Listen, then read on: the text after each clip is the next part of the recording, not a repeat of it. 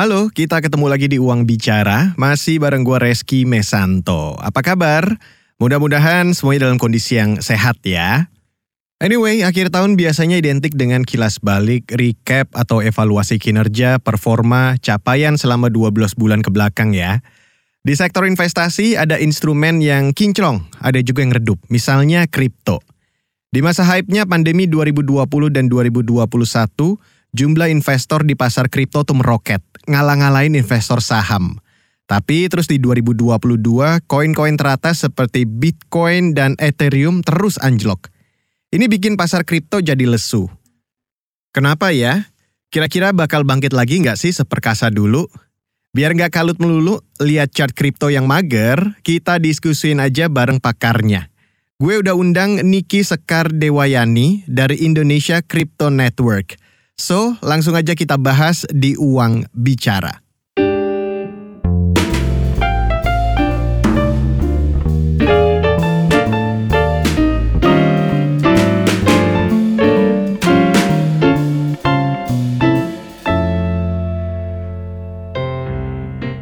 Halo Nick, thanks ya udah ngeluangin waktu buat ngobrol di Uang Bicara. Pasti teman-teman pada penasaran. Siapa sih Niki ini? Boleh dong kenalan dulu. Uh, terima kasih sebelumnya udah diundang di podcast Uang Bicara. Jadi nama saya Niki, Niki Sekar Dewayani. Saya sebenarnya sebenarnya bekerjanya di Indonesia Crypto Network namanya, namanya ICN. Tapi orang-orang mungkin lebih tahunya uh, medianya ya, jadi koinvestasi. Nah di Indonesia Crypto Network ini aku sebagai head of community-nya. Keren ya profilnya Niki dan pasti jago banget kalau ngomongin kripto. Uang bicara emang selalu ngundang narsum-narsum yang keren dan kompeten buat lo semua. Oke, balik lagi ke Niki. Gua mewakili investor kripto.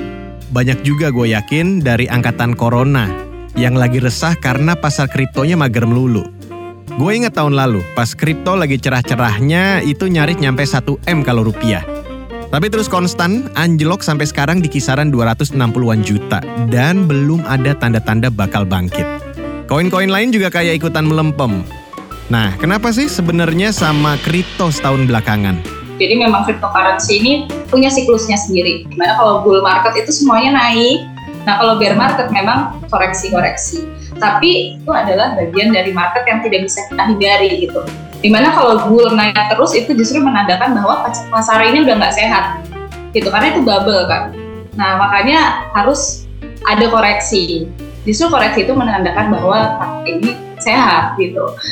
Jadi sekarang sebenarnya industri kripto ini sangat terpengaruh dengan kondisi makroekonomi. Jadi sekarang ada uh, The Fed mau ngumumin mau FOMC aja market udah volatil. Kemudian ada prediksi nanti apa CPI-nya berapa itu volatil. Terus ternyata ini tingkat inflasinya turun itu market langsung hijau kemarin. Nah, jadi sebenarnya saat ini industri kripto sendiri itu sangat erat kaitannya dengan kondisi makroekonomi gitu. Apalagi kayak terkait dengan saham teknologi, inflasi yang melonjak, kenaikan suku bunga acuan itu sangat-sangat terkait. Nah, yang kita tahu ya banyak justru banyak banget di luar sana yang masih FOMO ya, maunya yang kayak bisa cuan cepet, yang kayak nggak jelas lah kalau saham mungkin kita bisa ngomongnya itu saham gorengan. Nah, that's why di komunitas ini dan di koinvestasi ini memang uh, misinya adalah mengedukasi, mengedukasi kalau sebenarnya kripto ini tuh nggak cuma harga, nggak cuma gimana lo bikin bikin lo cepet tajir, bikin lo cuan, tapi sebenarnya kita adalah percaya dengan teknologinya. Ini kita koinvestasi sendiri sudah mengalami bear market ini yang kedua kalinya. Jadi kita ya yang sekarang udah lebih santai lah, udah kita udah melakukan ini secara konsisten setiap tahun. Ada atau nggak ada orang yang dengerin kita tetap terus mengedukasi. Jadi ya apalagi kalau sekarang uh, adopsinya lebih masif yaitu lebih lebih mudah sebenarnya. Oke, berarti ini lagi periode bear market. Metaforanya pakai hewan beruang untuk ngegambarin pasar yang lagi turun. Berarti dulu pas hampir nyampe 1M itu pasar lagi bull run yang disimbolin dengan hewan banteng. Dan tadi Niki bilang, kondisi bear market ini justru nunjukin kalau kripto tuh bukan scam karena sama kayak instrumen lain yang pasti ada siklus naik turunnya. Berarti Nick, bagi teman-teman kripto, periode kayak sekarang yang banyak diistilahin winter season tuh sudah terprediksi ya? Yaps, itu terprediksi. Jadi kita tahu kalau halving ya, waktu tahun 2020 market konsolidasi ya. Waktu itu sekitar kalau uh, saya bilangnya Bitcoin itu di dalam USD ya. Waktu itu di sekitar harga 9.000 konsolidasi gitu. Di 9.000 10.000 90.000 inilah nggak enak lah nggak nggak cuan mungkin kalau orangnya membosankan gitu kan.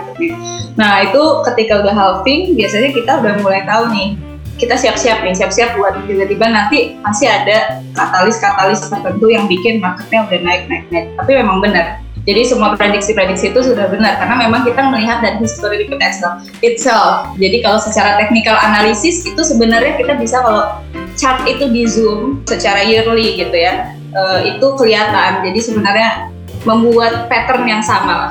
Uh, apalagi memang mendalami technical analisis itu bisa diprediksi kalau oh ini bakalan prediksinya besok udah ke sini nih, ke sini nih. Nick, dari tadi lu nyebut-nyebut soal halving. Boleh nggak dijelasin singkat aja, apa sih halving Bitcoin itu dan kenapa itu penting banget bagi siklus kripto? Sebetulnya halving itu lebih ke Satoshi Nakamoto itu menjaga inflasi dari dari Bitcoin sendiri ini karena Bitcoin ini kan hanya ada 21 juta ya. Nah, bagaimana cara mengaturnya itu di program lah, di program adanya halving ini jadi sebenarnya Bitcoin halving itu kayak mekanisme mekanisme untuk kayak mengontrol inflasinya Bitcoin sendiri gitu.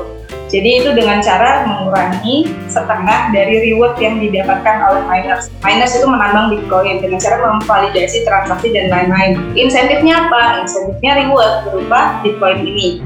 Nah, halving ini adalah ketika reward dari miners itu dibagi dua dan halving ini terjadi dianggapnya terjadi empat tahun sekali. Tapi sebenarnya memang nggak nggak pasti empat tahun gitu. Patok karena patokannya itu bukan waktu.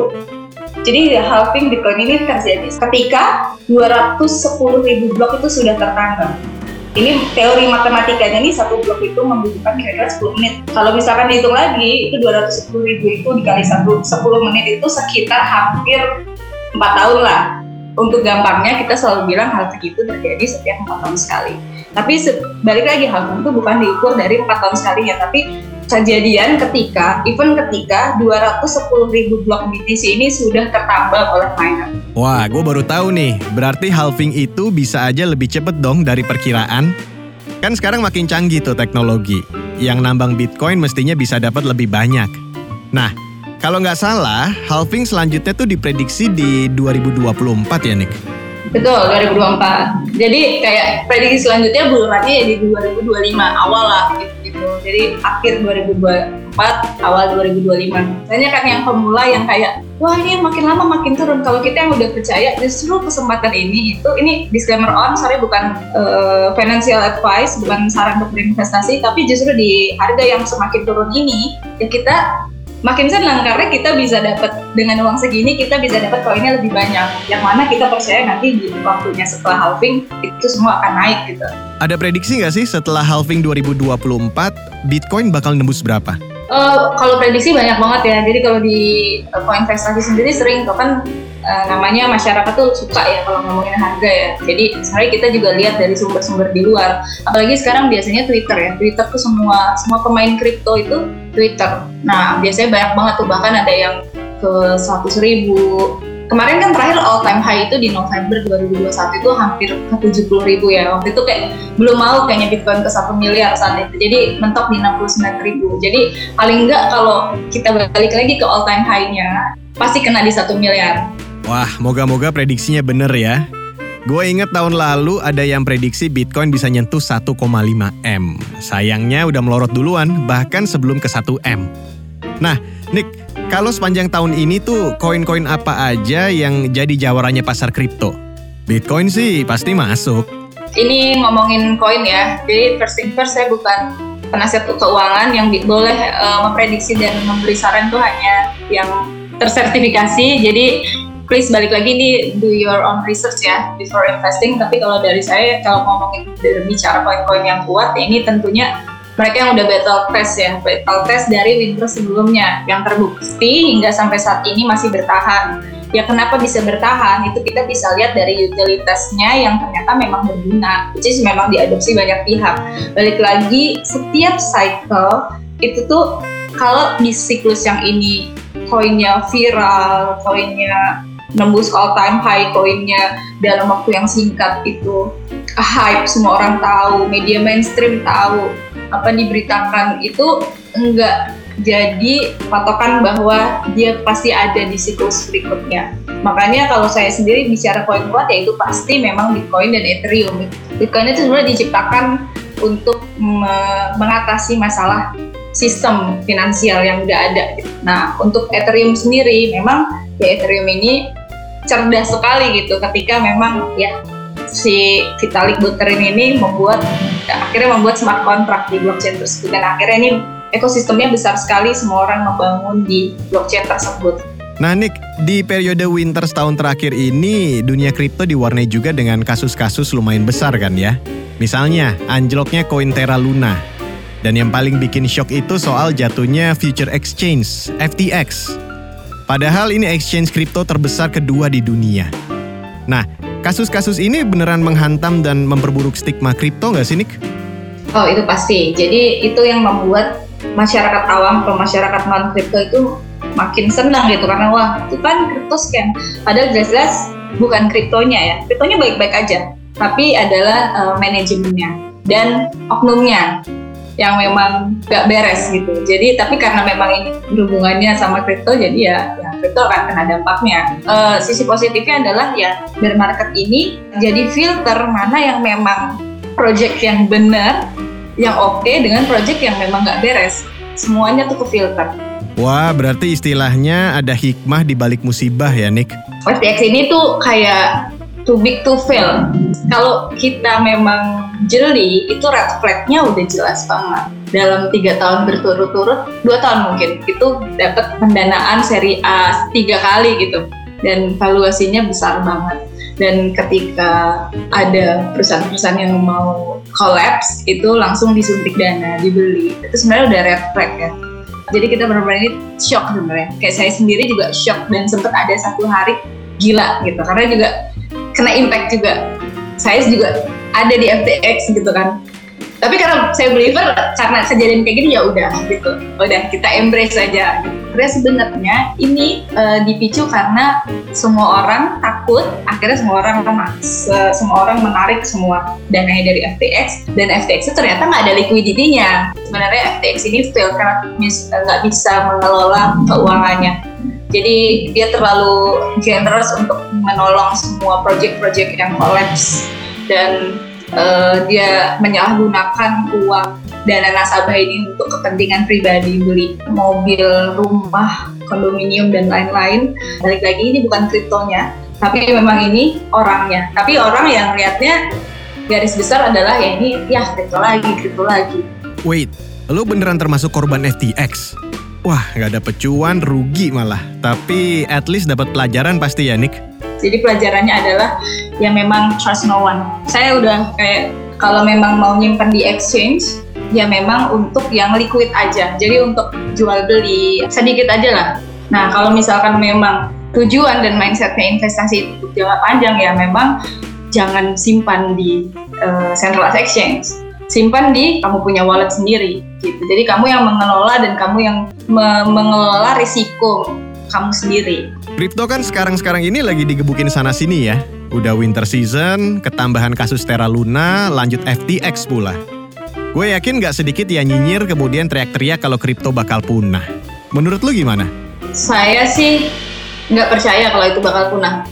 Oke, karena untuk mematikan si Bitcoin ini, dia harus mematikan seluruh node yang tersebar seluruh komputasi komputasi tersebar. Nggak mungkin seluruh miner-miner itu punya satu kesepakatan, oke okay, saya mau matiin.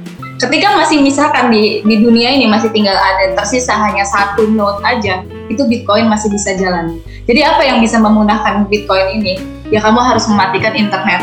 Internet harus mati. Dan kalau internet mati ya nggak cuma kripto yang mati semuanya juga mati. Saya percaya bahwa semua orang yang mau masuk di industri ini kamu harus tahu sejarahnya bitcoin sejarahnya uang nggak FOMO gitu. Orang-orang rata-rata masuk langsung masuk ke token artis ya balik lagi mungkin yang teriak-teriak tadi belum menggali fundamental teknologinya ya karena balik lagi yang pikirin cuma cuan-cuan-cuan gitu itu dia Niki Sekar Dewayani dari Indonesia Crypto Network. Niki ini juga founder komunitas Indonesia Paham Bitcoin loh. Mantep. Oke, Masih banyak yang bakal Niki share soal pasar kripto setahun terakhir dan tren ke depan. So, jangan ke mana-mana, tetap di Uang Bicara.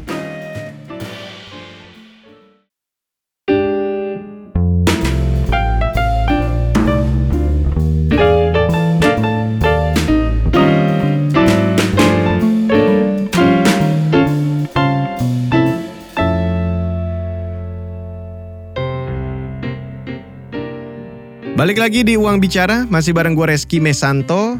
Kita lagi ngobrolin soal pasar kripto bareng Head of Community-nya Indonesia Crypto Network, Niki Sekar Dewayani. Kita lanjut lagi yuk. Nick, kalau gue cek harga Bitcoin tuh belum beranjak dari kisaran 16.600 dolar atau sekitar 260-an juta kalau rupiah. Nah, Ethereum juga terseok-seok di 1200-an dolar atau bolak-balik aja tuh antara 18, 19 juta sampai 20 juta kalau rupiah. Sementara tadi lo bilang halvingnya aja masih lama. Kira-kira bisa nyungsep sampai seberapa sih? Nah, di saat ini tuh kita ada big support di sekitar 15 ribuan, 15.500. Orang-orang TA ini percaya kalau memang menembus di 15.500 itu, dia akan men-trigger segala ketakutan, kemudian fear, doubt gitu, uncertainty gitu, food ya. Di crypto sendiri ini aja namanya ada index fear and greed. Nah, kita bisa lihat di situ. Ketika harga udah turun-turun terus, nanti indeks fear-nya berapa itu kelihatan. Dan itu kan memicu orang-orang yang nggak percaya itu untuk untuk menjual bitcoinnya dan lain-lain kalau misalkan mau ditanya ini udah bottom atau belum sih? Kita nggak ada yang tahu bottomnya berapa. Tapi kalau based on technical analysis itu ada big support di 15.500 dan kalau emang tembus dan turun terus itu uh, mungkin aja ke area 12.000 13.000 saya percaya di situ lah. Tapi kalau memang Bitcoin sendiri sampai 10.000 ya saya bakalan serok gitu no financial advice. Tapi ya kapan lagi dapat semurah itu? Karena in the next bull run kamu nggak akan dapat harga semurah itu lagi. Berarti bisa dibilang nyungsepnya itu nggak bakal sampai sedalam waktu bear market periode sebelumnya ya? Ya, sekarang gitu. Jadi mungkin bisa lihat dari kalau misalkan chart ditarik gitu dari 2008 sampai itu bottomnya sekarang di tertingginya yang siklus sebelumnya. Saya pikir ketika nanti menjelang uh, halving itu masih bisa turun terus ya. Ya, itu biasanya kayak gitu tapi balik lagi, ini kondisi market crypto ini erat sekali sama keadaan makroekonomi gitu. Kita bisa lihat kayak dari market ini juga bervariasi. Kita nggak bisa lihat dari sekarang dari history repeat itself lagi atau dari halvingnya. Jadi kita harus melihat fakta-fakta yang ada. Bear market ini kayak kemarin itu dipicu uh, bervariasi ya. Melemahnya ekonomi, resesi itu udah jelas karena resesi itu orang le lebih pilih pegang uang cash daripada investasi. Kemudian perang kemarin salah satu uh, Ukraine dan Rusia itu juga memicu bear market. Kemudian krisis geopolitik itu juga. Jadi sebenarnya ini erat banget kaitannya dengan yang terjadi dengan ekonomi global, kondisi ekonomi global. So, dengan kondisi market kripto yang lagi musim dingin gini, investor baiknya mesti gimana? balik lagi disclaimer on ya bukan not financial advice ya saya harus kayak gini kalau nggak nanti mengeluarkan apa advice nanti kena saya jadi uh, ini berdasarkan pengalaman juga ya pengalaman sebagai investor dan memang ada di media kripto. Jadi kalau saya itu selalu bilang di komunitas saya untuk ya kalau kamu nggak bisa technical analisis nggak jago untuk wah kapan tahu harus beli kapan tahu harus jual?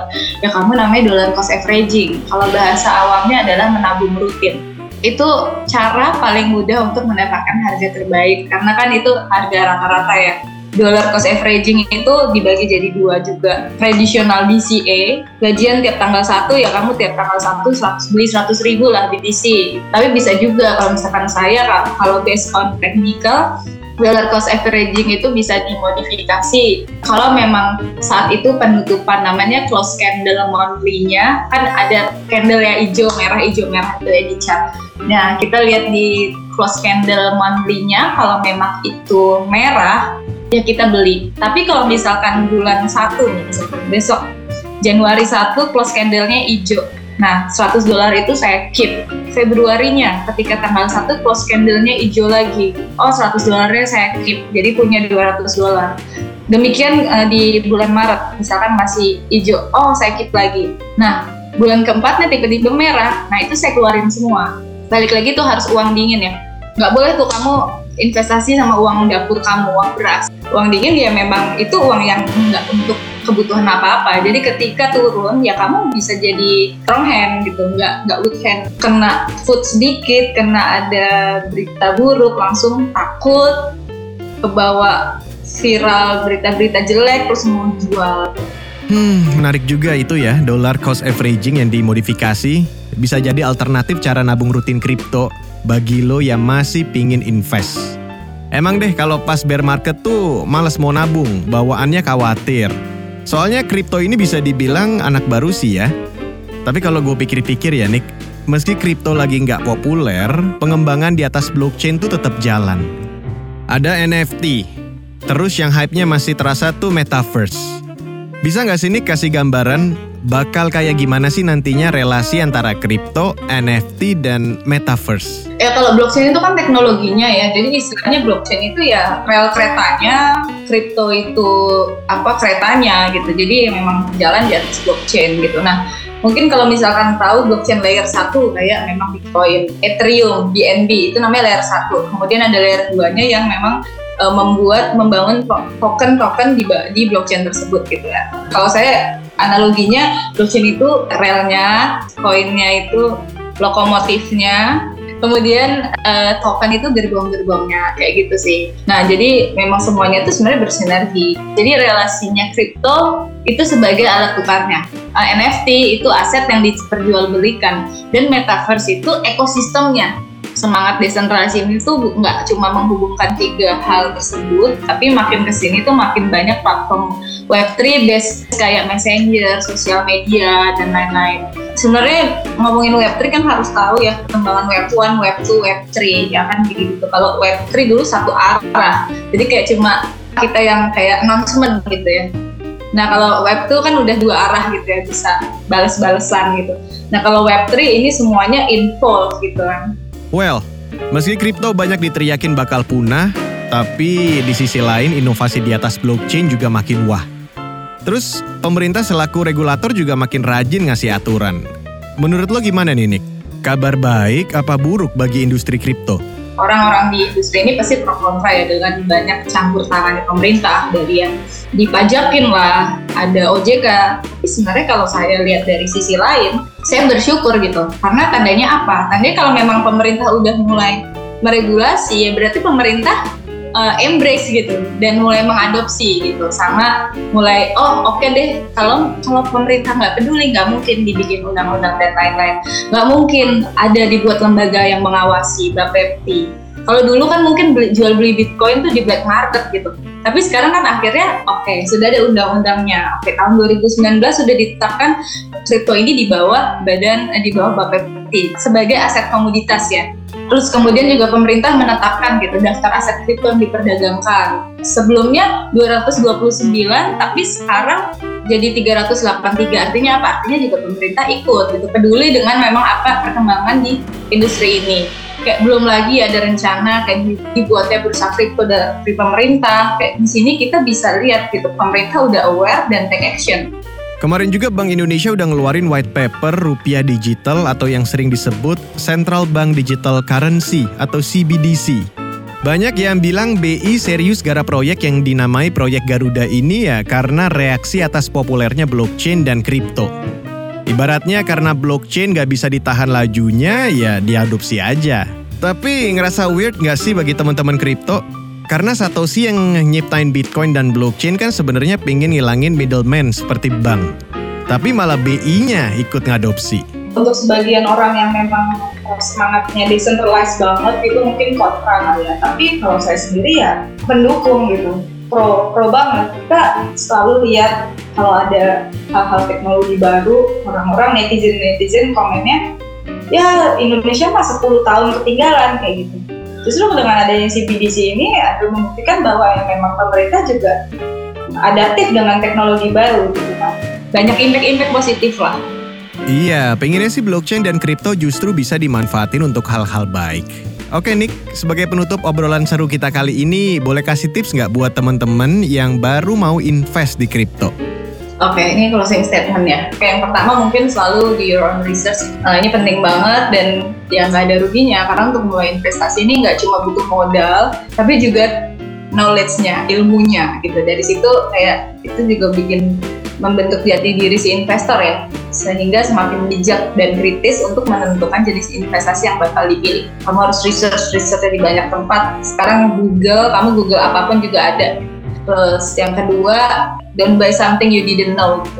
Ini relate ya sama yang pertama. Jadi always research, research, research. Jangan sampai kamu beli sesuatu yang kamu nggak tahu. Karena kalau kamu kenapa apa ya kamu bakal jadi uh, investor. Bukan investor namanya. Gitu. Kalau investor kan jangka panjang ya mindset. So, kayak beda loh. Orang tuh kalau misalkan di kripto masih main kripto, main kripto gitu. Ah, aku main kripto. Kalau main kripto, kripto ini adalah aset gitu, bukan mainan gitu. Jadi kalau misalkan saya bisa lihat jadi diri si investor ini dari dia ngomong main kripto atau invest kripto gitu. Kalau invest ya memang kamu mindsetnya investor. Terus yang ketiga ini aja, you don't put your eggs in one basket. Pokoknya jangan all in, jangan greedy. Nah, kalau ini Nick, gimana caranya milih koin yang tepat buat investasi? Kamu bisa lihat dari CMC, namanya coin market cap. Lihat 10 besar market cap karena itu uh, market capnya sudah besar sekali ya. Jadi nggak bisa ada satu orang yang punya uang banyak lalu menggerakkan pasar. Kamu harus baca white papernya. Jadi di setiap coin setiap project itu pasti ada white papernya kalau paper bahasa Inggris kamu translate lah ke bahasa Indonesia. Oh kira-kira ini tujuannya apa? Kemudian kalau misalkan masih itu belum cukup itu kamu bisa masuk ke komunitas-komunitasnya ke forum-forum. Kalau mau lebih dalam lagi kalau perlu lihat sama foundernya siapa cari LinkedIn-nya lihat dia uh, experience-nya apa? Jangan sampai tiba-tiba experience-nya itu sebagai apa lalu tiba-tiba kamu bikin token jangan pernah promo oke kalau udah sampai viral dan udah sampai keluar di media mainstream wah, harganya udah dipucuk gitu. Jangan sampai terus viral eh ini masih bisa cuan nih masuk akhirnya drop akhirnya kamu nyangkut di atas di harga tinggi terus kamu stres kamu keluar dari kripto kamu marah-marah. Kripto is scam. Dan pastinya beli koinnya harus pakai uang dingin ya Nick? Betul. Ya pakai uang dingin. Sorry itu kurang udah itu Niki Sekardewayani, Head of Community Indonesia Crypto Network.